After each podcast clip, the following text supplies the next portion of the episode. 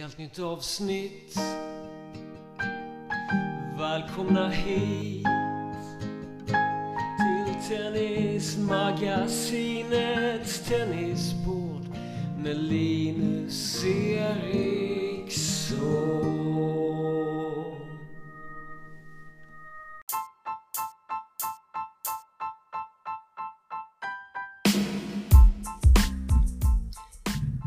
Då är vi framme vid avsnitt 100 av Tennismagasinets podcast. Och idag så kommer ni få lyssna på mig själv som gäst. I avsnittet så berättar jag lite om mina tankar kring varför jag startade podden, hur jag sammanfattar lite vad jag tycker har framkommit i avsnitten som gjorts och jag berättar om den här poddens framtid. Så missa inte att lyssna på det. Eh, för podden kommer att leva vidare och jag vill gärna ha med alla er lyssnare på det här tåget. Eh, så lyssna för att höra var, eh, hur podden kommer att utformas nu och om en massa andra grejer som kommer startas upp i samband med den här nylanseringen och det nya konceptet av den här podden. Så eh, lyssna vidare för att få den informationen. Och glöm inte heller att besöka tennisshoppen.se, vår härliga samarbetspartner. Juni ut så har ni 15% rabatt på ett helt köp hos tennisshoppen.se. Så besök dem. Nu rullar vi igång det här sista avsnittet av den här strukturen av Tennismagasinets podcast och även i det här namnet eftersom podden kommer att byta namn från och med nu. God lyssning!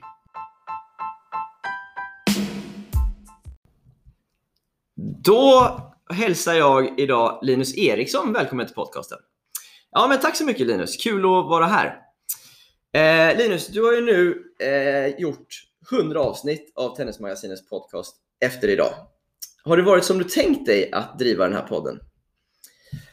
Eh, jag får nog svara både ja och nej. Eh, I början hade jag väl en tanke att man skulle kunna prata med nästan vem som helst och göra det intressant så länge man väljer liksom ett rätt ämne.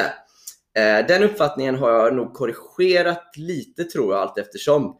Det stämmer ju på sätt och vis att alla har något intressant att komma med, men det är ändå skillnad på kompetens och kompetens har jag känt. Ehm, en del gäster har ju verkligen haft en enorm kunskap och erfarenhet. Eh, Medan andra kanske inte riktigt varit med om lika mycket och fortfarande är någon form av lärostadie. Eh, som man i och för sig alltid kommer vara i förhoppningsvis så länge man än håller på med det här. Men eh, ah, förhoppningsvis har väl alla avsnitt gett någonting, eh, hoppas jag på i alla fall. Eh, Okej Linus, men det måste ha varit väldigt lärorikt för dig i alla fall att få prata med alla personerna och träffa de här, ja det är 99 stycken nu eh, från Tennis-Sverige. Ja men verkligen, det, det skulle jag säga. Eh, jag är otroligt tacksam till alla som har ställt upp. Eh, och visst har jag fått några nej på vägen. Jaha, som vilka då? Nej, men jag vill inte riktigt hänga ut någon. Men, men säg så här, visst har jag haft eh, på känn att några kanske skulle säga nej, som till exempel, ja men Björn Borg och, och Stefan Edberg. Eh, Medan andra har varit lite mer oväntade kanske som ja, men, före detta juniorlandslagskaptenen på förbundet till exempel. Och, och några har jag tjatat på lite grann som ja, men till exempel Academy of Coltecos andra hälft, förutom Enneberg som har varit med. Eller regionsansvariga på Tennis Stockholm. Men de har varit svårflörtade. Eller ja, jag kan ju säga, det är, det är ju Rickard Billing och Per Henriksson, det får de ta. Eh, men, men de har jag inte fått med i alla fall.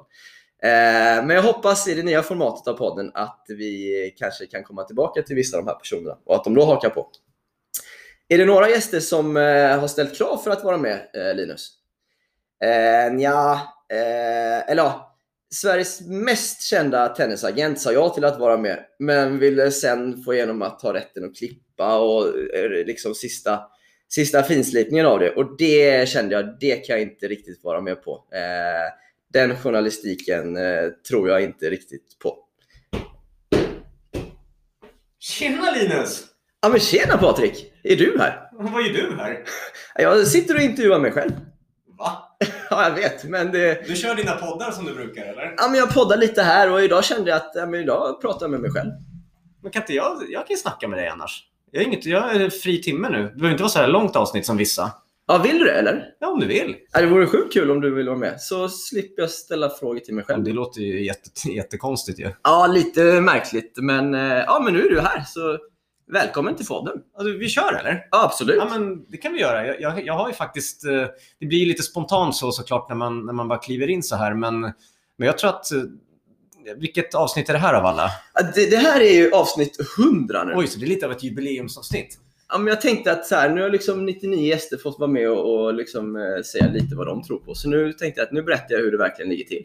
Ja, kul. Men du, jag tror så här att genom alla de här, jag har ju verkligen lyssnat på alla dina avsnitt och jag tror att många undrar liksom, vem, vem du är. Vem är den här killen som har träffat alla de här? Så det är, det är faktiskt inte så dumt att du sitter här och, och har ett avsnitt om, om dig själv. Men vad, vad är din bakgrund då till, eh, till liksom att du... Inte kanske att du hamnade just med poddandet än så länge, men vi går lite mer bak i tiden. Liksom, hur, det här med tennisen, hur, hur kom du in på det? Eh, nej, men jag är uppväxt i, i Mölndal utanför Göteborg. Eh, och där så, jag började spela tennis när jag var kanske sex år någonting. Eh, som alla andra, jag höll på med många idrotter. Eh, och eh, ja, men då började jag spela tennis. Eh, tyckte vi inte var jättekul i början kanske. Men, men jag minns att jag gick till final i en sån här minitennisdag i klubben. Och då så tyckte jag det var häftigt att jag hade fått liksom en prisplakett. Och då ville jag fortsätta spela från att egentligen velat lägga av kanske.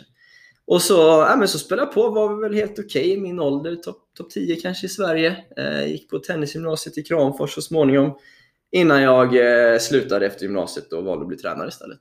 Men var du nära på att ens bli proffs? Eller han, han, de drömmarna, hann man ha dem då? Eller? Topp Ah. 10 låter ju som ändå att man är väldigt bra. Ja, eh, ja, jag hade ju en dröm om det. Eh, och jag var väl helt okej fram tills jag var kanske 15 någonstans. Sen så tappade jag, så det var aldrig riktigt nära. Okay. Eh, men men eh, ja, jag växte upp tillsammans med till exempel Davis Cup-hjälte Marcus Eriksson. Eh, så vi, vi eh, tränade ju och tävlade mycket tillsammans till exempel. Eh, och han lyckades ju, så det, det är klart, jag hade väl kunnat nå en bit. Har du Men, slagit Mackan någon gång?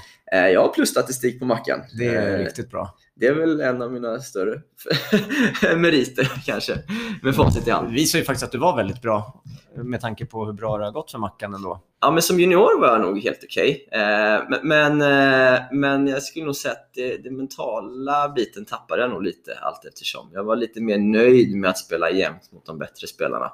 Medan Mackan var ju vansinnig även om han, om han förlorade 7-6 i avgörande mot någon spelare som han kanske egentligen inte skulle slå. Och jag däremot kanske hade känt att ja, men det var väl helt okej prestationer. Då.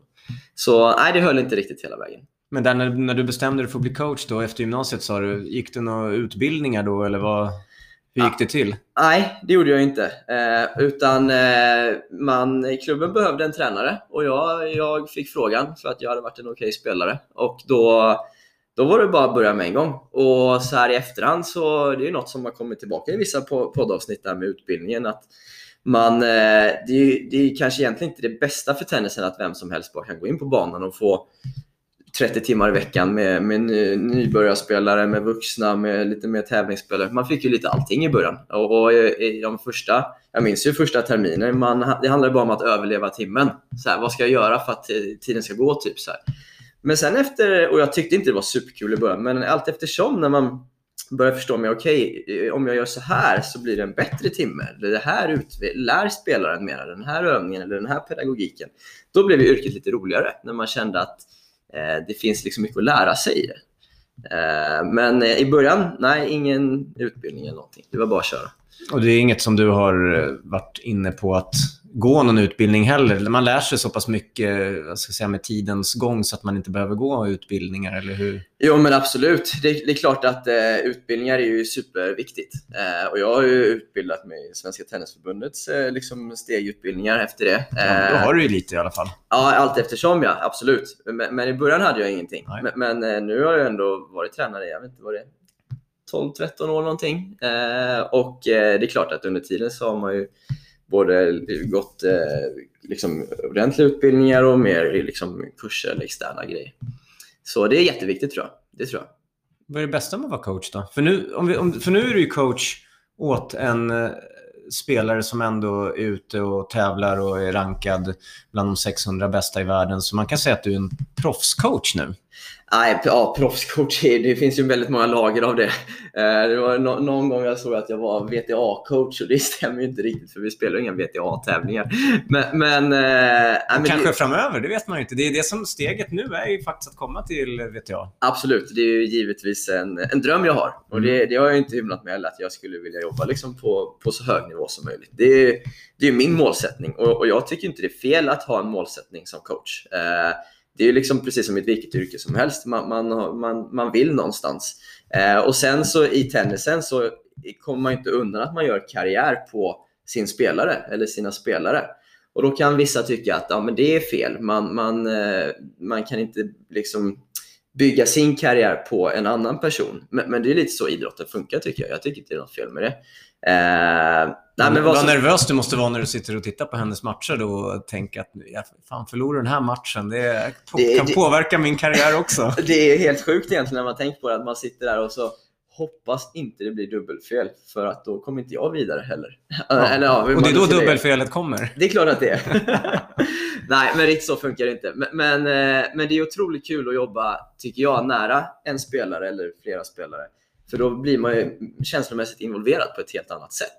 Eh, och det kan man, jag säger inte att man inte kan bli det i en klubbverksamhet när man har ansvar för 30 spelare och fyra gånger i veckan.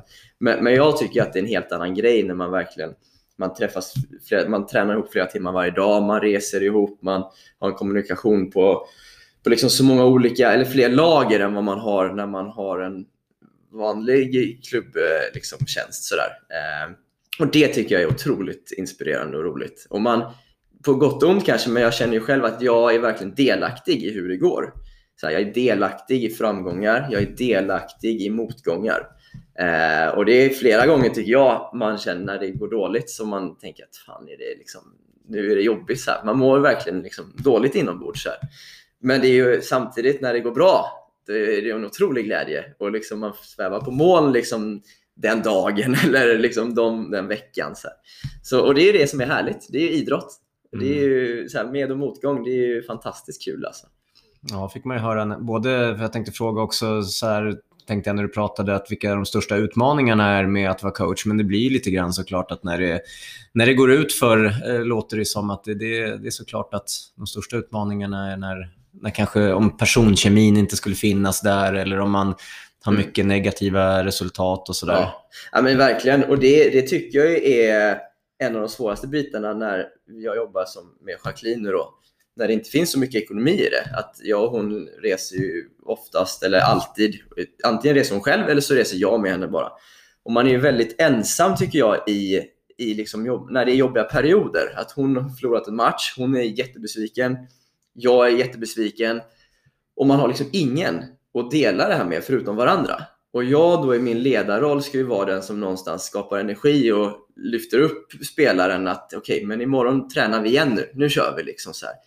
Och det tycker jag har varit jättejobbigt för man själv är ju lika nere. Jag skulle behöva någon som gjorde det med mig. Eh, och det tycker jag är en jobbig grej när man inte har ekonomi att ha liksom, som toppspelarna då, ett team runt sig. Det, det hade varit en helt annan sak om det var en till ledare förutom mig för då hade jag och den kanske kunnat bolla ut, ja, och sen liksom hjälpa Jacqueline upp då till exempel. Men, men det är klart, det är inte det är få förunnat att kunna ha flera ledare med sig. Så är det. Mm, så är det. Men du, vad har du för förebilder då bland eh, tränare? Eller säg så att förebild, en tränare och, eh, och någon spelare kanske? Som du ser upp till och... Ja, men det, jag, jag eh, har ju haft, eh, det finns ju flera förebilder och vissa som jag bollar mycket tankar med har ju varit med i den här podden. Eh, jag, jag tyckte ju till exempel att jag har haft lite kontakt med Johan Hedsberg efter det avsnittet. Tycker han är otroligt duktig. Magnus Enderberg har nämnt förut, någon som jag liksom har mycket sms-konversationer med och, och bollar tankar och idéer. Och det finns ju det finns ännu fler. Jag kan ju tycka att under de här 99 avsnitten så har jag fått upp ögonen för, för fler personer som jag tycker att, som jag kanske inte har en liksom privat kontakt med, men som jag verkligen känt, fan den där, den där personen, verkligen bra grejer den kommer. Som till exempel Mikael Tillström tyckte jag var ett jättebra avsnitt där han liksom fick mig att verkligen fundera kring det här vad eh, spelarens egna ambitioner när han berättade att Monfils kanske inte ville lägga ner det som krävs för att bli världsetta. Och det får ju vara okej då. Eh, och då får man ju som ledare anpassa sig lite efter det, eh, givetvis. Så, så, ja, men där, där till exempel kunde jag ta med mig mycket grejer, kände jag, eh, i mitt ledarskap sen. Eh, så, så det finns bra, bra personer som, eh, som man verkligen kan lära sig mycket av. Som jag gärna hade haft mer kontakt med. Eh, så det, har varit, det har varit kul att få prata med många, helt enkelt. Ja, jag förstår det. det men du, så här då. Du nämner alla, många av de här som har varit med. Hur, hur kom det sig egentligen att du började podda? Och, och, och, dels här, hur kom det sig att du började podda och sen hur blev det, eller hur har du hittat alla de här människorna som, som du har haft som gäster i poddarna? För det har varit, för min del som, som inte har, eller som, som är lyssnare av, av Mm. det här, är liksom, många av de här har jag aldrig ens hört talas om. Tänkte jag, hur fan har han hittat dem? Ja, men det har, varit, det har varit en kul grej tycker jag. Att, Eh, det är klart att eh, må, många, majoriteten, har ju på något... Tennis-Sverige är ganska litet, så, så jag har ju liksom känt ganska många av dem. Vissa mer och vissa mindre. Eh, sen har jag ju, tyckte, tror jag att det var ganska viktigt att jag fick med Peter Lundgren i början till exempel. Han var väl med i avsnitt eh, sju eller någonting. Det var skitroligt avsnitt. Ja, men- Många roliga historier där. Ja, verkligen. verkligen. Och, och när man får med sig någon så tror jag det blir lättare att få med sig fler sen när man kan visa upp att jag har haft den personen med. Och Gusten var med väldigt tidigt som jag känner då sen tidigare också. Eh, och sen tror jag att jag kan gissa från andra halvan av poddens historia från kanske avsnitt 50-60 och framåt. Då tror jag det folk nästan, nu ska jag inte liksom, ja, sätta mig på för hög stol men ville vara med. För att jag tror att det blev lite av en grej att så många har varit med och då klart att jag också kan vara med, tänkte nog många. Fram, framgång namnen. föder framgång har man ju hört. Exakt så! uttryck, ja, ja. Men, men verkligen. Och det, så tror jag faktiskt det har varit. Eh, ja, men om Magnus Norman var med liksom hyfsat tidigt också. Eh, tror jag också var jätteviktigt för liksom, att få med ännu fler. Då. Eh, men jag är fortfarande supertacksam att så många har ställt upp, verkligen. Eh, jag menar, jag är ju ingen känd journalist eller kommer från något superstort medie. Så, här. så det, det har varit jättekul att, eh, ja, att eh, man har velat dela med sig. Och jag tycker många har varit eh, relativt öppna också och svarat ärligt, hoppas jag, tror jag. Känns som det. ja. Men du Linus, om du fick välja någon eh, som du skulle vilja ha med dig till en öde ö till exempel. Säg en vecka tillsammans med någon. Vem hade du tagit då? Du får välja en person helt fritt och en utav dina poddgäster. Så du får två veckor, men en vecka med den ene och en vecka med den andra. Eh, en av mina poddgäster alltså. Ska du ta med dig och sen mig. får du välja även någon helt fritt Just det. som lever. Uff. Ja, Så du får inte säga Gustav Vasa eller något sånt. Eh, ja, men jag kan börja då med vem jag hade valt helt fritt. Och nu kommer jag gå lite utanför tennisen här då. Det får man. Ja, och ja, det kommer jag väl få skit för, men jag skulle nog absolut ha med mig David Beckham tror jag. Mm. Det är en, eh, en liten idol för mig sen jag var yngre. Eh, Spelade du fotboll själv eller? Jag spelade lite fotboll själv. Mm. Eh, var, var helt okej i det, men, men la av ganska tidigt för tennisens skull. Men, men, eh, han har varit en idol för mig och väldigt fascinerande mä- människa tror jag. Eh, en av de bästa i liksom en av världens, kanske, en av, ja, en av världens största sporter. Förstår att han var en ganska stor träningsprodukt. La ner otroligt mycket liksom, energi, seriös med det han gjorde. Och så givetvis hans liksom, privatliv. Att han Mm. lyckades kombinera allting och ändå hålla sig liksom, på världsscenen i idrotten. Eh, han hade jag verkligen velat vara eh, på en öde ö. Och verkar ju väldigt sympatisk också, måste jag säga. Eh, Ja, han hade nog kunnat dela med sig av väldigt många stories. Det var faktiskt en väldigt intressant eh, person du valde ändå. För att man kan säga så här att de som inte har någon koll på fotboll, Mm. alla vet ju vem han är.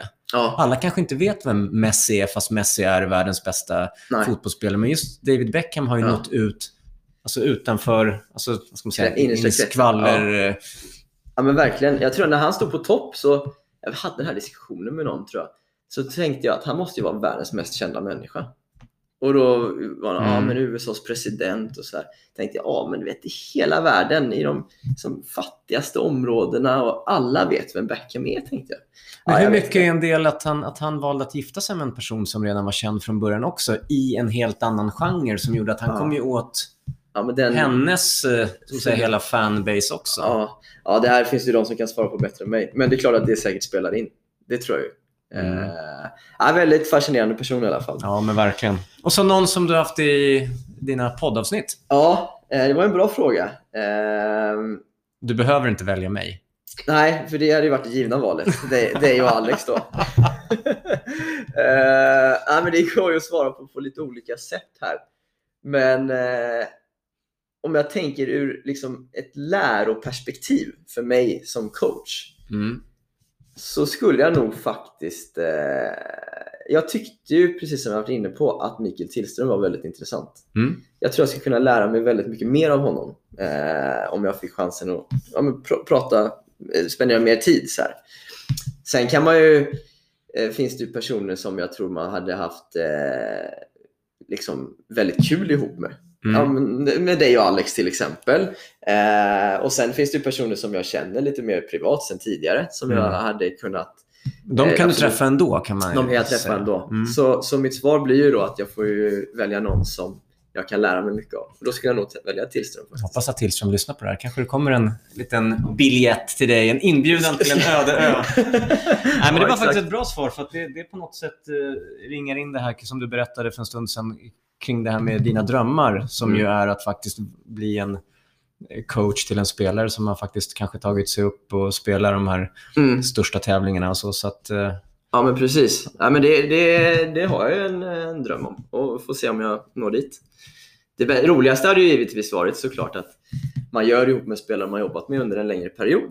Eh, som, som jag och Jacqueline har gjort. Sen är det ju oundvikligen så att en tränare och en spelare kan ju komma till en punkt där av olika anledningar. Att så här, nej, men spelaren utvecklas inte längre och båda känner att nej, men det kanske är bättre att du jobbar med någon annan coach eller jag som coach känner jag, har, jag kan inte tillföra längre, jag når inte min spelare.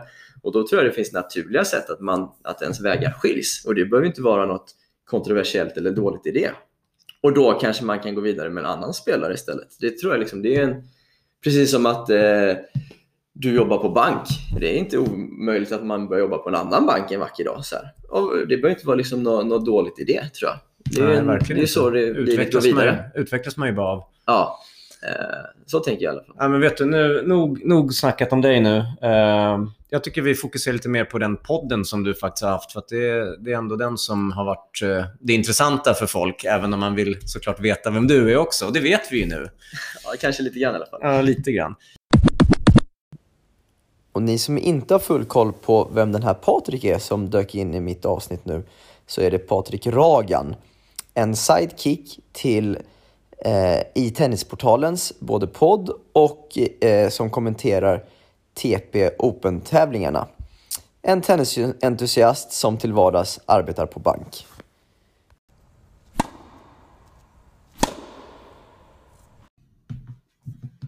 Ja, Linus, hur kan man sammanfatta på något sätt vad alla gästerna har sagt i alla de här avsnitten? Ja, den är ju svår eftersom är... Ja, det är galet mycket som har sagts. Det är 99 avsnitt gånger en till två timmar. Så att, ja. Ja, de- Sammanfatta nu. Ja, ja, först och främst, det avsnittet blev ju lite längre än vad jag hade tänkt från början. Tanken var ju inte att de skulle bli en och en halv till två timmar. Eh, men, men när jag väl satt med alla gästerna så tänkte jag ju att jag vill passa på att fråga allt som jag verkligen är nyfiken på. Det är inte säkert jag får träffa Peter Lundgren igen och sitta ner liksom och prata med dem, eller Magnus Norman eller vem det nu kan vara. Så då tänkte jag att nej, men jag, jag vill fråga allt jag undrar över och så får det bli så långt det blir. Och jag menar, när jag lyssnar på poddar som är långa så delar jag ju upp det. Jag lyssnar inte på allt på en gång. Utan det är kanske över flera dagar jag lyssnar på en podd. Eh, så det har fått bli så i alla fall. Eh, lite av ett eget intresse. Ja, men det kan till och med vara positivt, för det blir ju det här med att då har man ju någonting att se fram emot. Exakt, Patrik. Kul att du har tänkt så. Ja. Eh, men ja, om jag ska sammanfatta så är det svårt eftersom gästerna kommer från olika bakgrund. Vi har ju pratat om lite olika ämnen. Men jag tycker att vad som har genomsyrat vad väldigt många har pratat om är att vi behöver en, dels en tydligare linje i hur vi ska träna våra yngre juniorer. Att det känns som att många har efterfrågat någon form av lite riktlinjer vad man, ja, men vad man bör, eh, bör fokusera på i framförallt de yngre åldrarna. Då. Eh, sen tycker jag också att, som vi har varit inne på, att tränarutbildningen eh, i Sverige behöver steppas upp, tycker jag många har återkommit till. Eh, och att vi på något sätt bör involvera alla duktiga tortränare vi har i Sverige eh, på ett bättre sätt i svensk tennis. Eh, eller de som har varit före, före detta proffs till exempel. Eh, det tycker jag har genomsyrat mycket. Och även de spelarna som har varit på en hög nivå, som jag har haft med i, i avsnitten, tycker jag alla har pratat mycket om att de har haft en otrolig passion för sporten i tidig ålder. Och i nästan alla fall tränat ganska mycket. Så det är väl de punkterna jag känner att det har varit lite återkommande. Jag vet inte, vad tycker du som har lyssnat på alla avsnitt, säger du?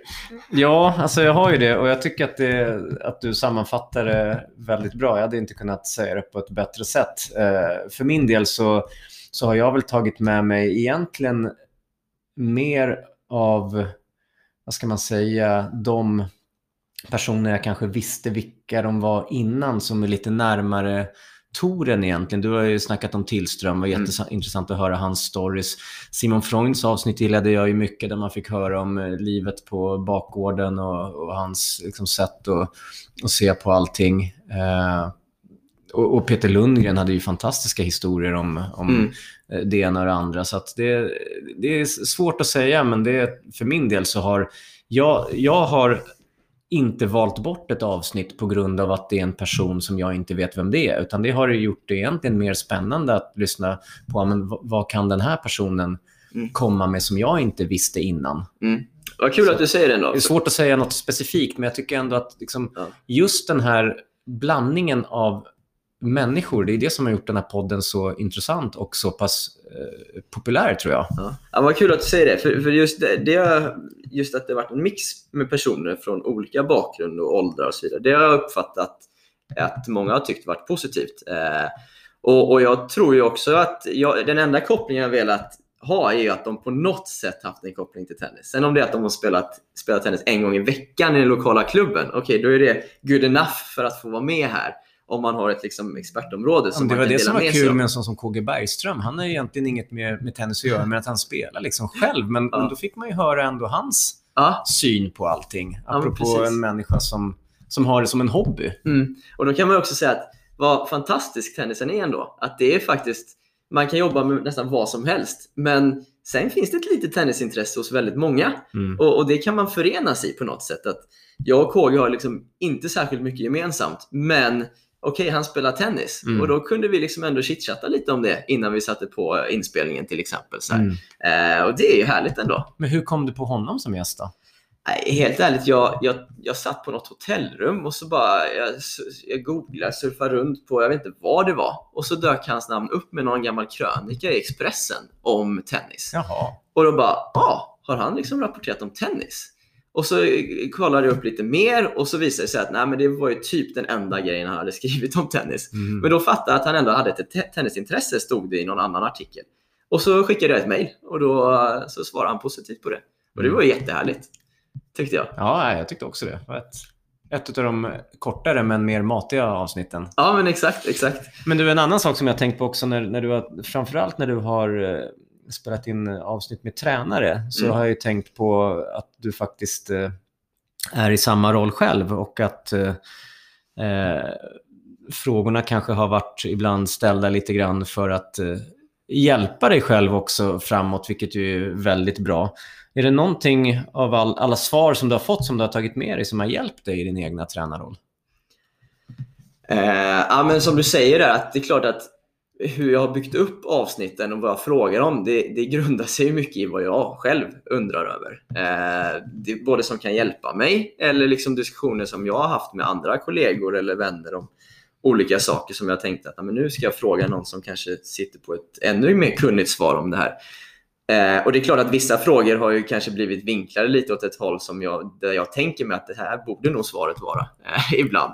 Eh, men- det tänker jag att det har jag tagit mig friheten till helt enkelt. Eh, ja, men jag tror att det finns väldigt, väldigt eh, många bitar som jag har kunnat ta med mig eh, in i min roll. Eh, en grej som ploppar upp rent spontant nu det är till exempel med Magnus Norman när han sa att eh, i vissa matcher så så ville Wawrinka bli coachad under matcherna. Och Det är en fråga som har varit lite uppe för diskussion, hur coaching, ska- om det ska vara tillåtet eller inte och så vidare. Eh, och Då tänkte jag att det, det fick mig att tänka, ja, men det, det kanske är okej att man, liksom, man tar en varning om det krävs för att spelaren ska vinna sin match. Så det var ju lite med att okej, då, då fick man en information att det görs på de högre nivåerna också till exempel. Eh, eller som jag nämnde med Tillström där med, med motivationen, att spelarens ambition och drivkraft ska väl vara ännu mer styrande än vad jag kanske har reflekterat över tidigare. Eh, sen är det en, en fråga som jag, det kan jag inte säga att jag har lärt mig, men det har ju fått mig att fundera mycket, är ju hur stor roll tränaren har i spelarens utveckling och resultat. Där har ju vissa sagt att det inte har så stor roll och, och någon annan har sagt att det har en jättestor roll. Eh, och det är ju, jag, har ingen, jag har inte kommit fram till något svar på det, men, men det är ju man, jag har funderat mycket på hur stor, ifall man förstorar sin egen eh, liksom, roll ibland, eller om man faktiskt spelar att, att det jag gör betyder väldigt mycket. Eh, och det har jag inte kommit fram till något svar på än. Världens bästa tränare skulle inte få mig att bli bra och vinna några matcher. Nej, så är det ju. Eller, så skulle han det. Nej, men, men, men samtidigt så finns det ju helt klart tränare som verkligen gång på gång lyfter spelarna Mm. på deras rankingar och liksom har otroliga track records. Absolut. Så, så ja, någonstans lever jag i en, en tro att det jag lägger mitt liv på, att det måste spela större roll än 5-10 procent. Men det måste, det måste man ju tro, annars så är det ju svårt att eh, motivera sig själv Ja. till att göra ett bra jobb. Ja, men spelare investerar ju otroliga pengar i att ta med sig tränare och team och coacher. Så här. Mm. Det skulle de ju inte göra om det egentligen inte spelade så stor roll. Nej, där. jag håller med. Eh, Men, men det har ju fått mig att fundera mycket i alla fall. Mm. Och en sista grej som jag också vill nämna där, som det har jag nog lärt mig ändå lite från de tourcoacherna. Eh, Det var ju nästan en lite komisk eh, liksom, följetong ett tag med hur simpelt alla byggde upp sina träningar. Så här, det var crossspel och det var åtta bollar, så det var kämpa och hålla i bollen bara. Och det funderar jag ju väldigt mycket på om man försvårar övningar och man ska ha mycket material och man ska liksom krångla till det på så många sätt i hur man bygger upp träningar. Så det har varit någonting som jag tror jag har utvecklat mig som coach. Inte sagt att vi ska bara spela cross, men just den här att man tänker till. att Okej, vad, vad, vad är syftet med den här övningen? Eh, vad behöver min spelare just nu? kanske inte behövs 10 koner ute på banan till exempel. Eh, så, så det tyckte jag var en ganska intressant period när jag hade ett gäng som nästan avsnitt efter avsnitt pratade om hur man ska träna enkelt hela tiden. Ja. Mm, apropå att utbilda sig, har du fått en perfekt utbildning bara genom att vara en poddkung kan man säga? Ja, på, på, poddkung vet jag inte, men, men absolut, det är klart att det har varit en jättestor utbildning för mig. Och jag hoppas, för det har ju också varit en tanke med podden, att fler liksom har känt samma sak. Mm. För, för trots att, visst, jag kanske har kunnat ställa en eller två frågor off the record ibland, men mycket av det jag har lärt mig har ju också gått ut till, eh, ja, men till dig eller till andra som har lyssnat. Mm. Så jag hoppas att det kanske har varit någon form av eh, ja, men informationskanal som många kan ha lärt sig saker av. Mm. Ja, Eller det har varit min förhoppning i alla fall. Ja, men det tror jag definitivt att det har. Men du, vilket avsnitt är du mest stolt över då? Kan man välja ut ett specifikt där du känner att liksom, din egna insats har varit bättre? Eh, ja, det, det kan man ju säkert göra. Eh, men det är ju supersvårt. Alltså, det, det som du sa till exempel med att eh, ja, men Peter Lundgren var ett bra avsnitt tyckte jag. Mm. Jag tyckte det blev, så här i efterhand kan jag känna att det var ju så tidigt och då hade jag fortfarande en, en tanke att avsnitten skulle vara max en timme. Så efterhand kan jag känna att jag borde pressat en timme till. Mm. Men, eh, nej, men han var, tyckte jag var ett eh, väldigt bra avsnitt. Eh, ja, det är jättesvårt att, att plocka ut. Eh, Ja, Några speciella. Jag, jag vad, ty, vad tycker det. du? Vilka avsnitt tycker du har varit eh, de bästa? Ja, det var de jag egentligen som jag, som jag nämnde eh, tidigare. Jag tycker också det är svårt att, att välja ut, men, men det är klart eh, att... eh, nej, jag håller fast vid, vid de jag sa tidigare. Peter Lundgren definitivt ett Ja. av dem. Ja, Så, ja, men du, en annan sak som jag funderade över, det är ju, du har blivit känd för de här väldigt svåra frågorna som du ställer till, till många. Liksom, vad rekommenderar du och vad är det senaste du gjorde för första gången? Och det där. Hur kom du på det? Är det du som har kommit på de här frågorna själv, eller? Oj, ska jag avslöja alltså att jag har snott allting nu? Nej, har du det? Jag har inte hört dem någon annanstans. Nej. Eh, jag vill bara sticka in innan jag svarar på den frågan, för jag kom på att jag tycker Robert Lindstedt var ett jättebra avsnitt också. Ja, just det. Eh, tyckte det var, gav många, många bra bitar. Ja, men apropå det, det visar ju att du har haft så otroligt många avsnitt, så det går ju inte ens att komma ihåg alla och, Nej. och välja ut. Jag Så tror, att skulle jag kolla i listan över de jag haft så kommer jag säkert komma på fler. Så ursäkta Ja, men jag som... menar, eh, ja, men lite så blir det Ja. ju. Att man, eh, man vill inte vara dum mot om Nej. man inte nämner det här. men, nej, men de frågorna där som... Och där har ju där har jag bollat mycket med ifall jag ska förbereda gästerna på de frågorna innan. Många har ju inget, det blir inte lika kul då ju. Nej, precis. Alltså, vi- förhoppningsvis har ju vissa lyssnat på podden innan, så Mm. de vet ungefär vad som ska komma. Sen har jag ju blandat. Vissa gäster har ju skickat över några frågor innan som jag Mm. har sagt det här kan vara bra att förbereda sig på. Då blir ju svaren ibland bättre. Men de blir inte lika ärliga heller. Eh, och när jag ställer dem på uppstuds och det ibland har blivit eh, långa tystnader Mm. så är det klart att det blir ett litet, liksom, det blir ett litet moment, en momentumförlust i snacket. Mm. Men då har jag upplevt att ett, liksom, ett uteblivet svar är också ett svar ibland. Absolut. Eh, att inte ta ställning i en fråga är också att ta en form av ställning. Mm. Och då har jag tänkt att ja, men det är också kul ibland att de blir lite ställda och så ibland kommer man på något, ibland kommer Mm. man inte på något. Så jag har blandat ganska friskt. Jag skulle nästan tro att det är 50-50 på hur många jag har förberett innan och inte förberett. Nej, kanske, ja, ungefär. Men så här då, är det något svar som du minns som har imponerat väldigt stort på dig med tanke på hur spontant den här gästen faktiskt har svarat på? Ja, jag har ett svar som jag faktiskt eh, tyckte var, ja, det kan vara ett av de bästa tror jag i historien, och, och, eller podd, min poddhistoria. Och det var Erik Hemmingsson eh, i hans avsnitt när han svarar på vad han har ändrat uppfattning om eh, Mm. på sistone eller den senaste tiden. Då svarar han ju att han innan, nu, nu, nu parafraserar jag lite, men han svarar att han har innan tänkt att en förändring sker uppifrån och ner. Att man ska gå till toppen av vad ska jag säga, hierarkin. Eh, att i, i, I tennisens fall så kanske man ska prata med de ansvariga på förbundet om man vill få en förändring. Men han har ändrat uppfattning att det är från gräsrötterna förändring sker. Att man måste, man, det, det tar så lång tid och det är så svårt att påverka i toppen. Man ska börja längre ner. Utan där kan man göra en stor förändring. Att om man pratar med till exempel tränare i klubbarna eller oss tennisintresserade.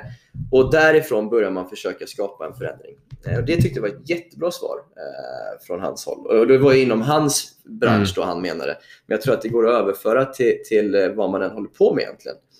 Att det är inte alltid man ska prata med den längst upp för att få till att eh, man ska spela med orange boll med de Mm. yngre barnen. Utan det är kanske bättre att prata med lokala klubben eller Mm. med föräldrar eller med spelarna själva. Så här. Det där sker förändringen. Och det tyckte jag var väldigt bra. Mm. Ja, snyggt. Det, där var, det, var, det är inte lätt att välja ut någonting av... Nej, men det har satt sig hos mig. jag, jag tyckte, det var kanske inte det mest bara, aha, men så här, när man tänker på det så tyckte jag att ja, men jättebra svar verkligen. Mm. Och, och apropå bra svar, jag tycker att det som i de här poddavsnitten, det här, det, det här avsnittet blir lite roligt. Det blir lite av en sammanfattning av, av eh, lite av en best off kan man säga, där du väljer ut saker som har hänt.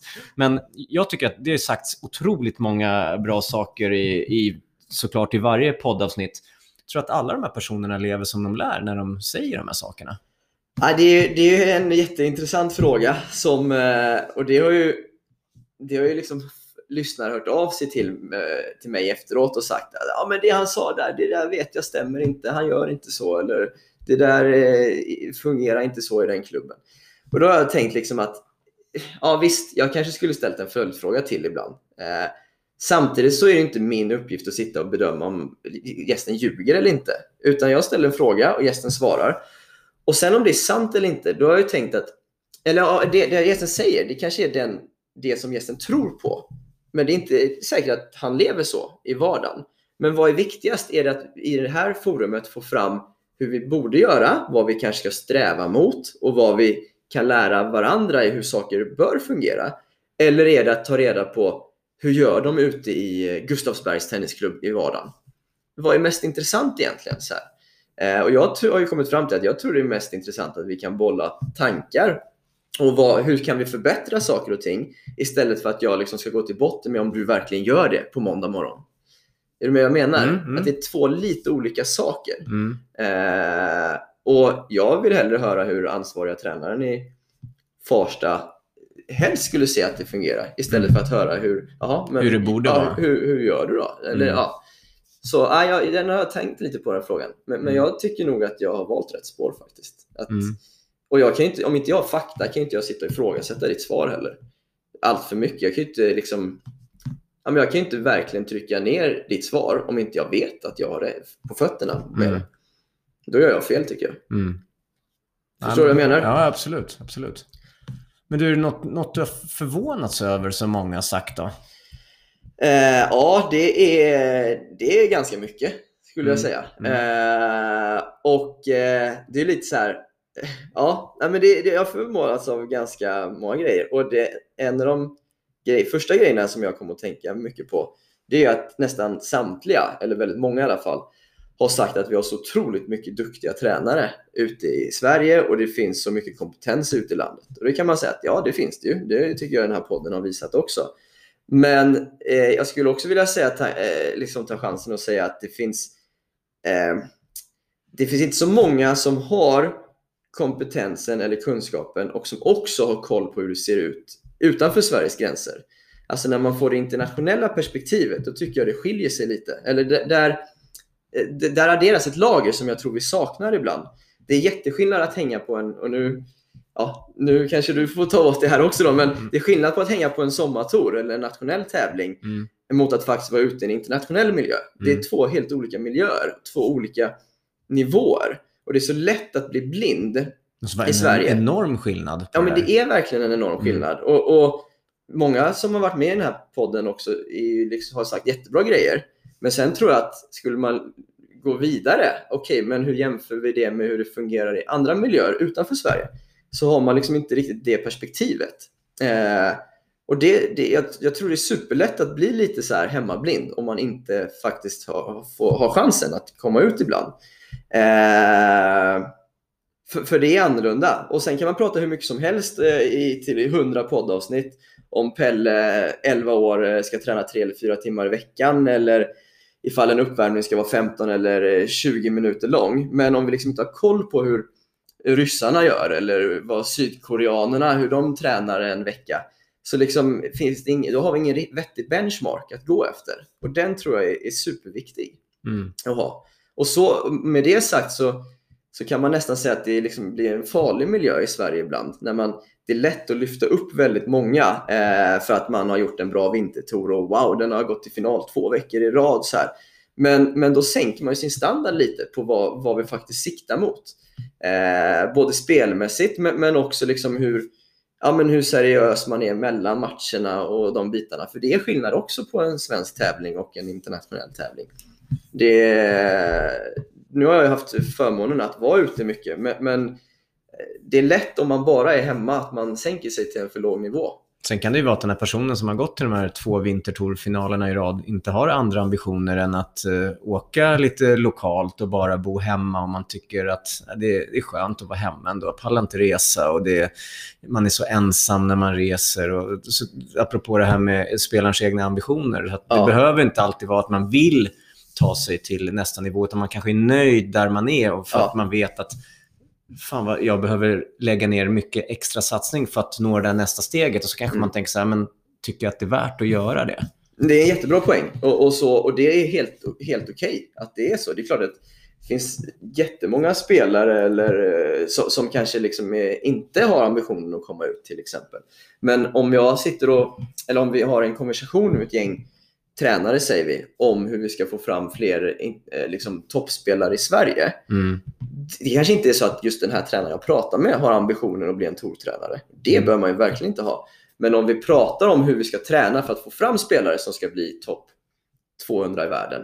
Ja, men då måste vi ha liksom målsättningen att vi måste jämföra oss lite med hur det ser ut utanför Sverige. Inte bara hur det ser ut i en semifinal i en vintertour. Eh, och där tror jag att vi ibland liksom... Eh, ja, där, där har vi inte riktigt koll ibland. Inte tillräckligt många har den kollen. Mm. Eh, Och sen kanske det är så att tränare eller andra personer verkligen vill åka ut men inte har möjligheten på grund av sin eh, arbetsmiljö hemma till exempel. Och det är en annan fråga hur man löser den biten i så fall. Men vad, tror du att de är, vad tror du är de viktigaste faktorerna för att lyckas bli proffs då? Eh, ja, det, det, förutom de vanliga sakerna som ett inre driv eller en stor vilja så har min uppfattning stärkts enormt att ekonomi är en gigantiskt stor faktor för att faktiskt kunna lyckas. Eh, pengar, som så mycket på många andra områden i livet, så hjälper det otroligt mycket. Eh, jag, jag tror, många, många har en bild av att det kostar mycket såklart att satsa på sitt tennis, men det är nog inte alla som har riktigt har kollen på exakt hur mycket det verkligen kostar. Eh, du, du tjänar ju så otroligt lite på de lägre nivåerna att eh, du vet ju inte ens om du kan fortsätta liksom, om två månader egentligen. Mm. Eh, och där kan jag nästan ibland bli irriterad när jag läst intervjuer med topp 100-spelare som gnäller över hur stora kostnaderna är för att ha med sig sin anställda tränare och ta deras omkostnader. För ja, alltså, jag har inte tagit ut en krona i lön av min spelare på tre år. Eh, och eh, då kan jag ibland tycka att det är lite gnälligt att säga att ah, det är så dyrt att ha min heltidsanställda tränare med mig. Ja, men du, så här, jag förstår, men du har faktiskt kommit förbi det här stadiet där du kan gnälla över ekonomin, kan jag tycka. Lite Mm. grann. Eh, så ekonomi är en eh, jätteviktig del, skulle jag säga. Ja, på tal om eko- ekonomi, vad, vad finns det mer som en spelare kan behöva hjälp med förutom det? För Eh, ekonomi, det är liksom en faktor. Det, det, det är klart att det är en stor faktor Mm. också. Ja, men det är det ju. Eh, om, eh, det, det finns ju... Jag, jag skulle säga att om man pratar elitspelare, eh, nu får man skilja på spelare och spelare, men pratar vi elittennis så, så skulle jag säga att det som spelarna behöver hjälp med från till exempel ett förbund, som också är en fråga som kommit upp Mm. i podden. Vad, Det har varit mycket snack om det. Ja, och, och där eh, har jag ju fått den frågan av bland annat Åsa Hedin som, eh, och där blev mitt, som frågade mig det. Och mitt svar blev inte jättebra där. Det kommer, eh, ja, det är er som har lyssnat på det avsnittet. Mm. Men, men det är helt klart att ekonomi, ekonomi är det som spelarna skulle behöva hjälp med från Mm. ett tennisförbund. Mm. Eh, och det förstår jag att det är lätt att säga ge mig pengar. Och det är inte, svaret är ju inte så enkelt. Men, men läger och, och resor i all ära där förbund skickar med en utvald ledare som kanske dessutom tränar liksom, eh, en av spelarna som är mer privat och så vidare. Det är inte det som kommer göra en skillnad. Alltså om man pratar vad gör en skillnad för en spelare till att ta nästa kliv så är det inte två, tre dagars läger per år där man samlas och har lite skoj. Utan jag tror att den stora skillnaden skulle vara om man kan få ekonomiskt bidrag till att ha med sig antingen sin egen coach eller till att kunna spela fler tävlingar på ett år. Det är det som kan göra den stora skillnaden tror jag. Och där tycker jag också personligen att det, det, det är fel väg att gå och ge en liten summa till väldigt många. Det är lite svenskt och det är en fin tanke att alla, många ska få stöttning. Men att få, ge, att få 10 000 säger vi eh, av ett förbund, det är en jättefin peng. Men det gör ingen skillnad som gör att jag kommer bli 300 platser bättre på rankingen. Utan en skillnad, då tycker jag man istället ska ge en stor summa till några få spelare. Mm. Det är bättre att ge 150 000 till två spelare än att ge 10 000 till 30.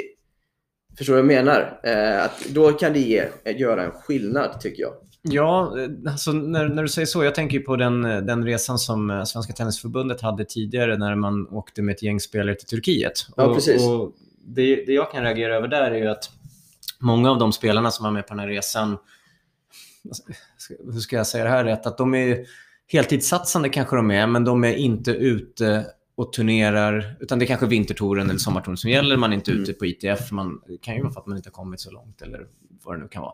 Medan spelare som verkligen visat att de heltidssatsar, Mm. eh, jag tänker till exempel Filip Bergevi och Simon Freund spelade Mm. ju i, eh, i Israel samtidigt. Jag tänker Mm. på Jacqueline som spelade i, i Portugal och Sydamerika samtidigt. Att de här spelarna borde kunna få ett stöd fast de inte väljer att följa, äh, att följa med på den här resan till Turkiet. För att någonstans handlar det om ju att det är spelarna man ska hjälpa, inte att de måste befinna sig på en viss fysisk plats vid ett visst tillfälle. Utan tycker man att man presterar bättre på hardcourt Mm. och man eh, på så sätt vill spela sådana tävlingar istället, varför kan inte de här spelarna då få ett litet bidrag som dessutom är tre av de spelarna som faktiskt spelar mest ITF-tävlingar av alla Ja, men jag håller helt med svenska dig. spelare. Man det tyckte jag var konstigt. Man pratar så ofta om spelaren i centrum. I det här Ja. fallet så har det ju varit förbundets aktivitet i centrum. Ja. Vi, vi ställde in våra svenska tävlingar och det kändes som att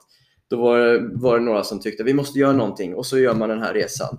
Men pengarna går ju som du säger. Det, vissa spelare absolut ska ha ett stöd.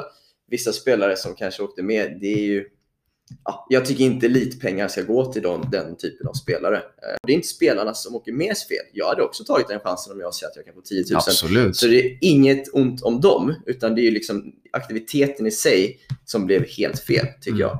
Mm. Eh, och jag håller helt med dig om att spelarna som eh, väljer något annat, om spelaren är i centrum ska ju den kunna få support ändå. Eh, hun- 100% tycker jag. Mm.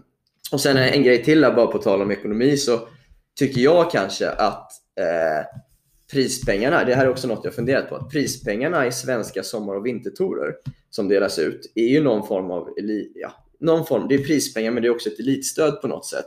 Och där tycker jag att de pengarna ska göras om till resestipendier istället. Att man ska få plocka ut prispengarna mot kvitton till exempel.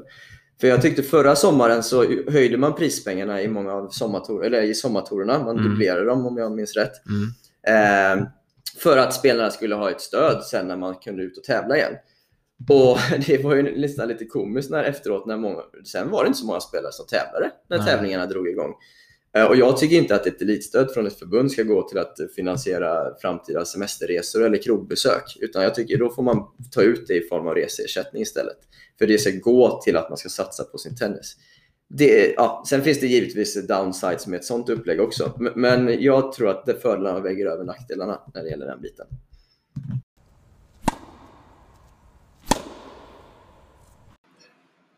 Vill ni läsa ett stort reportage om den här Turkietresan som jag och Patrik kom in på lite här så gå in på www.linuspabaslinjen.com så finns det ett stort reportage där om just den här Turkietresan att läsa.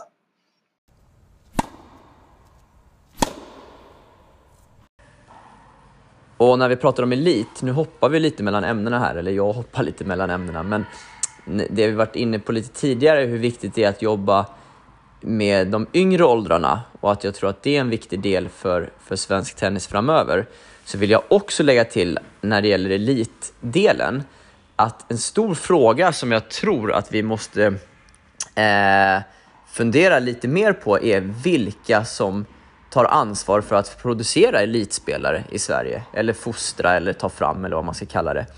Eh, jag, jag är ju en av dem, även i det här podcastavsnittet, som har pratat om att det är viktigt att vi, vi ökar statusen på tränarna i de yngre åldrarna, att vi ska ha bra verksamheter i de yngre åldrarna. Det har ju flera av gästerna varit inne på också, att det, det är viktigt att många klubbar tar ett stort ansvar i, för utvecklingen av spelarna i yngre åldrar. Att där kan faktiskt alla klubbarna vara väldigt, väldigt bra potentiellt.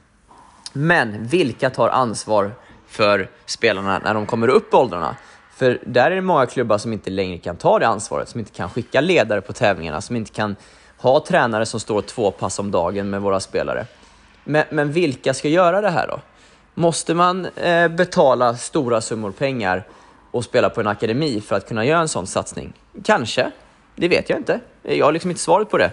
Eller måste det vara en tränare lik mig som gör det här pro bono, som lägger sitt liv och tjänar noll kronor på det, men som brinner för det? Är det det som krävs? Kan vi bygga ett system kring att vi förhoppningsvis får fram några tränare som vill liksom, eh, jobba gratis med våra elitspelare?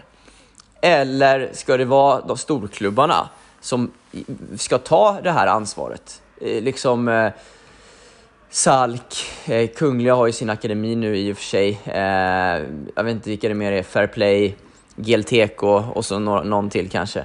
Eh, ska det vara liksom de här klubbarna som säger att vi tar det här ansvaret och, och hjälper spelarna när de kommer upp i åldrarna och ska göra en riktig elitsatsning? Jag vet inte. Eh, men, jag tror att det är en fråga som är värd att fundera kring och bör diskuteras. För det är ju ganska, det är en fakta att många av våra spelare när de har kommit in på seniornivå, det är ju ja, det är väldigt få som har en positiv rankingutveckling över tid. Man kan gå från orankad till rankad och sen så liksom någon hundra, hundra platser hit eller dit. Men det är väldigt få som successivt år för år blir bättre. Eh, för de flesta saknar upplägg. Och nu pratar jag den liksom seniordelen, men om man även går ner lite i åldrarna och pratar i ö, övre junioråldern så kan jag ibland känna, fundera lite kring ja, vilka är det som tar ansvar för spelarnas utveckling i det här stadiet. Det tror jag är en fråga som kan vara värd att, att fundera lite till kring.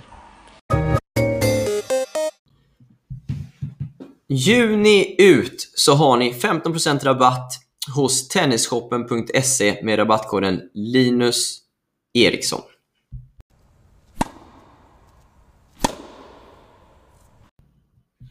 Ja, en, en tröst i det hela kan jag tycka ändå är att, att Filip Bergeby och Kajsa Henneman som i alla fall tog SM-guld och vann eh, mest pengar i de här sommartourtävlingarna i alla fall satsar och använder dem för eh, framtida ITF-tävlingar har vi sett. Kajsa som faktiskt vann en ITF-tävling eh, inte långt eh, efter. Ja, men ver- verkligen. Och det är ju den typen av spelare som ska ha stöd också. Ja. Och det är, så det är superbra. Det håller jag med. Men du, eh, du har frågat många gäster att om de var härskare över svensk tennis, vad, vad de skulle göra då. Ja. Vad skulle du göra? Du har, varit inne, du har touchat lite kanske vad du skulle vilja med, liksom, det kan vara resestipendier eller vad det kan vara. Men är det någon som... Ja, eh, det är ju en eh, bra fråga där. Eh, ja, av dig eller mig då. Eh, men eh, jag skulle nog... Eh, Jag tänker att du slipper ställa dig till dig själv som du kanske hade tänkt i början här, Ja, innan, innan jag klev in. Innan du kom, Ja. kom hit. Nej, men, men jag, det, det är ju, jag är medveten om att det är en jättestor fråga. Och det är ju inte lätt för en gäst att sitta och säga en grej som ska förändra svensk tennis såklart. Eh, vilket ju förbundet har visat i sin Game Change när de tagit ut 12 grejer. Då. Men, men eh, jag skulle nog ändå trycka på att det är, det är viktigt att vi sätter en bra bas för de yngre spelarna. Eh, hur vi ska träna i de yngre åldrarna, hur vi kan öka kvaliteten i klubbverksamheterna för just liksom, de yngre åldrarna. Det tror jag är jätteviktigt. Eh, en annan fråga som har kanske blivit, kommit upp mer i, i de sista avsnitten här, det är ju hur vi behåller våra alltså, tränare inom yrket. Alltså hur ökar vi statusen att vara tennistränare? Jag upplever ju, eller jag är nog inte ensam om att uppleva att det är en form av tränarbrist och det kommer bara bli större ju fler generationer som till, så småningom kommer liksom gå i pension. Eh, och det tror jag är en jätteviktig fråga för svensk tennis, hur vi får fler att vilja vara tränare och, och vara kvar i yrket. Som inte alltid är det liksom mest attraktiva med sena arbetstider, inte jättehöga löner, eh, mycket helgjobb eh, och ofta när man kommer in i yrket så kanske man får stå med vuxentennis och tennisskolegrupper. Man kommer sällan in som en ny 18-årig tränare efter gymnasiet och får jobba med de bästa spelarna i klubben. Eh, och då är det lätt att man, som, som jag själv när jag ville bli tränare, så tänkte jag att det ska bli kul att jobba med tennis. Eh, och då ser jag ju framför mig typ liksom, ja, med de bästa spelarna. Med de man, ja, man ser tennis på TV, det är sporten tennis för mig. Och så kommer man dit till hallen och så står man med, med fyra vuxendamer en lördag morgon istället. Där två kanske inte riktigt träffar bollen. så här. Och till slut så kanske man, intresset dödas om man, inte, ja, om man inte blir inspirerad på ett bra sätt av både sin klubb och, och kanske genom, ja, men som vi har varit inne på, hur man fortbildar sig på Mm. olika, olika sätt. Eh, så tränarfrågan tror jag är jättecentral och det är nog det, ja, det är nog en av punkterna jag skulle ta tag i inom, om jag var härskare över svensk tennis. Mm.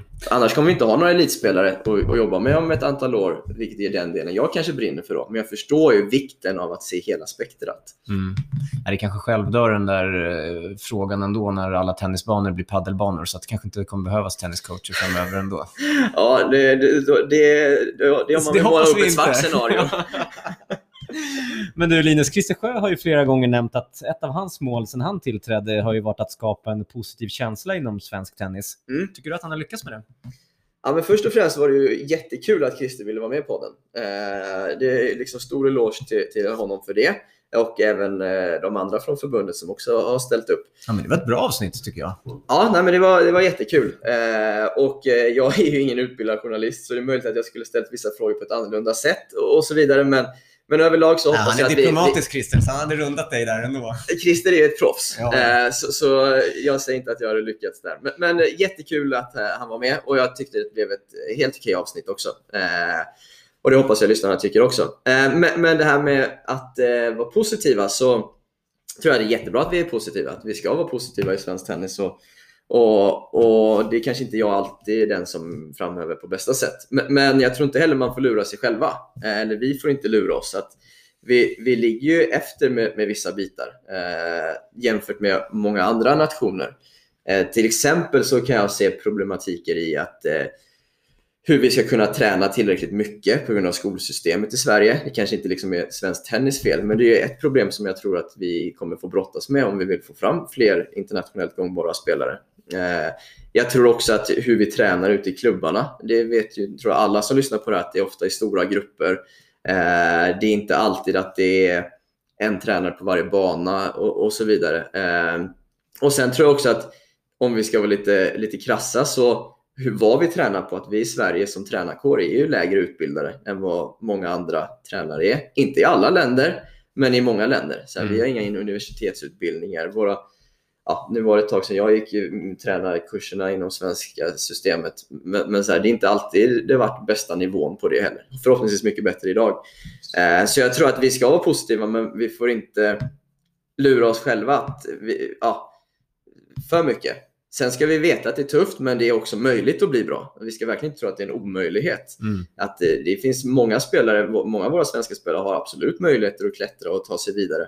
Eh, så, så jag tror man måste se det från båda, båda hållen lite grann. Att vi ska vara positiva, men vi måste också vara ärliga. Vad behöver bli bättre? För annars så, så lurar vi bara oss, oss själva tror jag. Eh, och med det sagt så, som i den här podden, när vi, ja, 100 gäster eller 99 utan mig, eh, har liksom sagt lite att hur vi borde göra kanske. Eh, och nu tror jag att det finns mycket information och nu är det lite så att nu är det action som Ja, nu är det upp behövs. till bevis ja. Ja, men lite Mm. så att om man, om man ska, ska hårdra det, vi kan göra hur många, vi kan, vi kan 100 poddavsnitt till eh, med, med vad som behöver göras eller hur vi ska göra det. Men, men framförallt i svensk tennis så behövs det kanske personer som säger att nu gör vi det, Mm. så här, som visar vägen. att nu eh, Som kör racet med sina spelare, som ligger ute på liksom x antal tävlingar utomlands, som eh, tränar med sina spelare på helgerna. Mm. Att det, nu behövs det liksom action lite grann. Och det är väl det jag skulle önska framöver, om man skulle få önska någonting. Mm. Eh, det är lätt att säga att det här behövs, okej, men nu gör vi det då. Ja, jag håller, blir det jag håller med dig. Man eh, törstar verkligen efter svenska tennisframgångar nu. Det Ja, men så är det ju. Alldeles för lite av det. Och, och det tror jag också är, liksom, det, det är många som säger att Åh, jag önskar att det fanns fler spelare som eh, jag kan kolla på i eh, Franska öppna. Okej, men eh, man är inte alltid beredd att liksom, åka ner och stå två timmar med sin spelare en söndag morgon. Mm. Då blir det lite att man kastar sten i glashus kan jag tycka kanske. Ja, så Ja. Det, det är så absolut på frågan. Vi ska vara positiva, men vi måste också liksom ha högt i tak med vad som faktiskt behöver göras. Ja. Spännande Och framöver. där hoppas jag kanske jag kan bid- ha bidragit lite Ja, till att det- öppna upp de Det diskussionerna. vet du, det håller vi tummarna på att du gör och jag tycker att du är på god väg i alla fall. Det är positivt, tycker Mm, jag. Ja, men kul att höra. Det, det är det viktigaste. Men du, vad händer med podden nu efter alla de här avsnitten? Är det något, liksom, läggs det ner eller är det hundra till? Eller vad har vi att se fram emot framöver? Eh, ja, men kul att du frågar det Patrik. Eh, nej, men, men podden kommer att, att leva vidare. Eh, och jag är supertaggad på vad, liksom, ett nytt koncept med det hela. Eh, och dels så kommer den att byta namn. Så tanken är att den kommer att heta Linus på baslinjen. Är, eh, kommer den byta namn till. Eh, och tanken är att den kommer att dra igång eh, 2 juli, om jag har räknat rätt på datumen. Eh, om allt går som det ska. Och den kommer komma upp i samma flöden så, som den här podden kommer ut i, men under ett nytt namn och med en ny omslagsbild förhoppningsvis. Eh, och sen så kommer formatet bli lite annorlunda. Ni som tyckte att avsnitten har varit för långa kommer bli nöjda för de kommer bli lite kortare eh, och kommer fokusera lite mer specifikt på några enstaka ämnen Eh, i varje avsnitt. Som vi ska, tanken är att vi ska gräva liksom riktigt djupt i några få eh, bitar med varje gäst. Eh, och, och lite nya segment som jag tror kan bli rätt roliga. Eh, och ihop med det här så kommer, vi också, eller kommer jag också dra igång en hemsida eh, som kommer, där ni, ni kan läsa namnet på den i, i infon om det här avsnittet.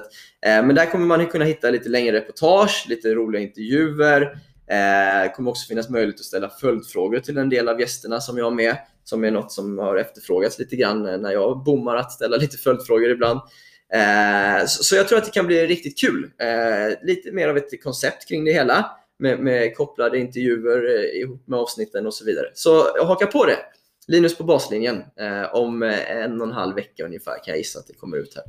Vad tror du om det Patrik? Alltså det låter ju... Nej, jag ser ju redan fram emot juli när jag hör de här visionerna. Jag, jag tycker att det att, att podd är ett fantastiskt avsnitt, eh, eller ett, fantastiskt medie att, Ja. att faktiskt eh, använda. Ofta, ofta har man ju, vad ska man säga, inom citationstecken dödtid. Man är, kanske går, går till bussen eller man ska hem från jobbet. Det är ju perfekt att, att kunna lyssna på, på liksom, sin, sin hobby som, som tennis i det här fallet. Och, och namnet på själva podden, Linus på, på baslinjen, det är, nå, någonstans där blir ju en liksom cirkeln slut med att du faktiskt är från Göteborg och kommer med sådana här roliga Göteborgs, eh, Göteborgs humornamn.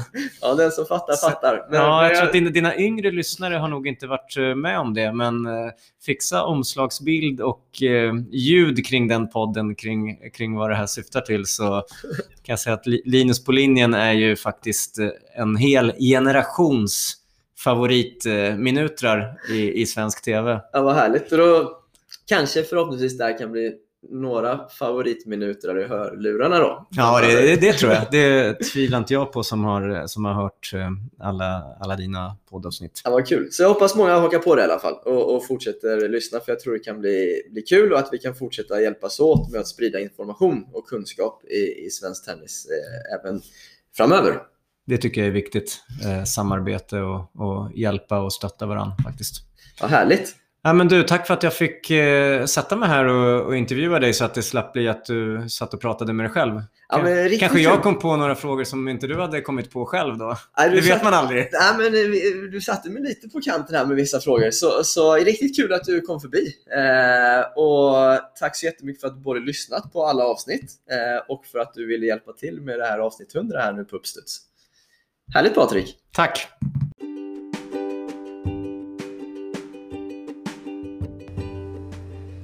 Tack så mycket allihopa för att ni ja, både har lyssnat klart det här avsnittet men framförallt för att ni hängt med in i mål. Eh, jag vill givetvis ta det här tillfället i akt och tacka alla lyssnarna. Eh, jag vill tacka alla gästerna. Utan gästerna så hade ju givetvis inte den här podden blivit någonting.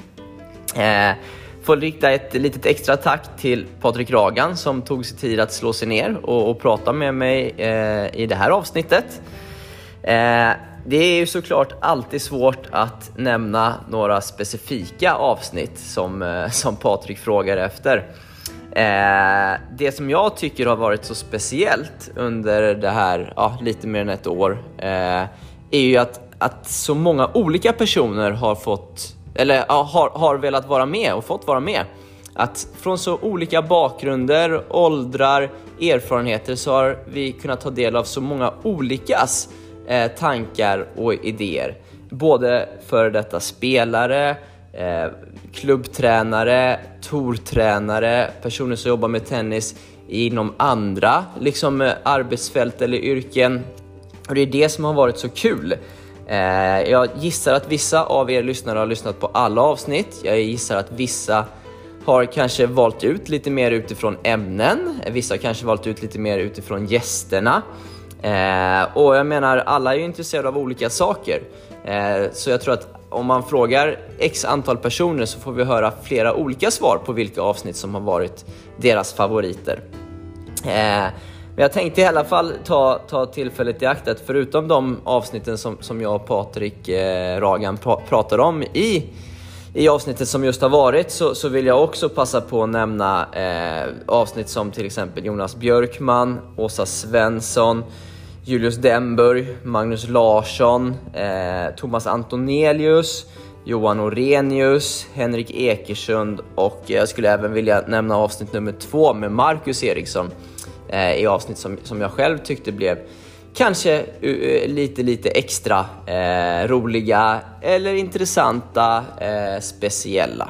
Ja, ni alla har ju såklart era egna favoriter och, och när jag har frågat runt lite under det här året som gått så har det varit otroligt kul att höra hur olika eh, folk har tyckt om avsnitten. Att vissa nämner avsnitt som som, eh, som från, från, från förr i tiden som deras, deras favoriter. Vissa nämner avsnitt som har liksom med proffstennis att göra, vissa nämner avsnitt som har med liksom klubbverksamhet att göra. Alla har sina egna favoriter och även i avsnitten så har jag uppmärksammat att man reagerar på olika saker.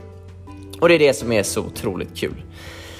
Eh, som jag har berättat om eh, lite under den senaste månaden så kommer vi nu att köra igång, eller podden kommer rulla vidare i ett annat namn. Om allt går som det ska så kommer den bara fortsätta komma upp i ert flöde här men med en ny bild och ett nytt namn eh, redan om några dagar. Första juli slår vi upp, port- upp portarna till www.linuspabaslinjen.com Linuspabaslinjen.com ska det vara. och där kommer eh, det även kopplas på reportage, artiklar, videosar och så vidare. Så häng med in i det rummet så fortsätter vi att dela eh, erfarenheter och inspiration och kunskap om tennis.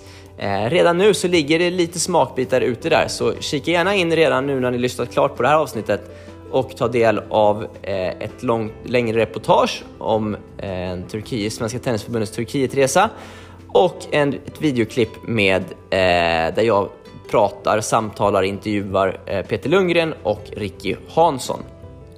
Så vi hörs vidare på www.linuspabaslinjen.com och i poddformatet om några dagar igen. Eh, och podden kommer då att eh, komma ut varje fredag fortsättningsvis. Eh, förutom kanske lite då och då när jag, vill, när jag får feeling och vill slänga in ett extra avsnitt. Till exempel redan första veckan av det här eh, nya poddformatet. Då kommer det två avsnitt. Eh, tack så mycket för att ni har lyssnat och på återhörande. Jag vill också rikta ett extra tack till Emil Holmgren som har hjälpt mig med layouten till de snygga avsnittsbilderna. Till Johan Widemark som i poddens begynnelse gjorde de härliga gitarrslingorna som var lite jinglar. Och till Simon Burlén som har gjort de två jinglarna som gått de senaste månaderna eh, med eh, eh, både sång och musik. Så stort tack till er för den här hjälpen som har gett en liten extra krydda till podden. Och tack till alla som har hjälpt till med feedback, kommit med förslag på förbättringar, gäster och divers, divers annat till, till, de här, till den här podden. Nu gasar vi på och eh, vi hörs igen om några dagar.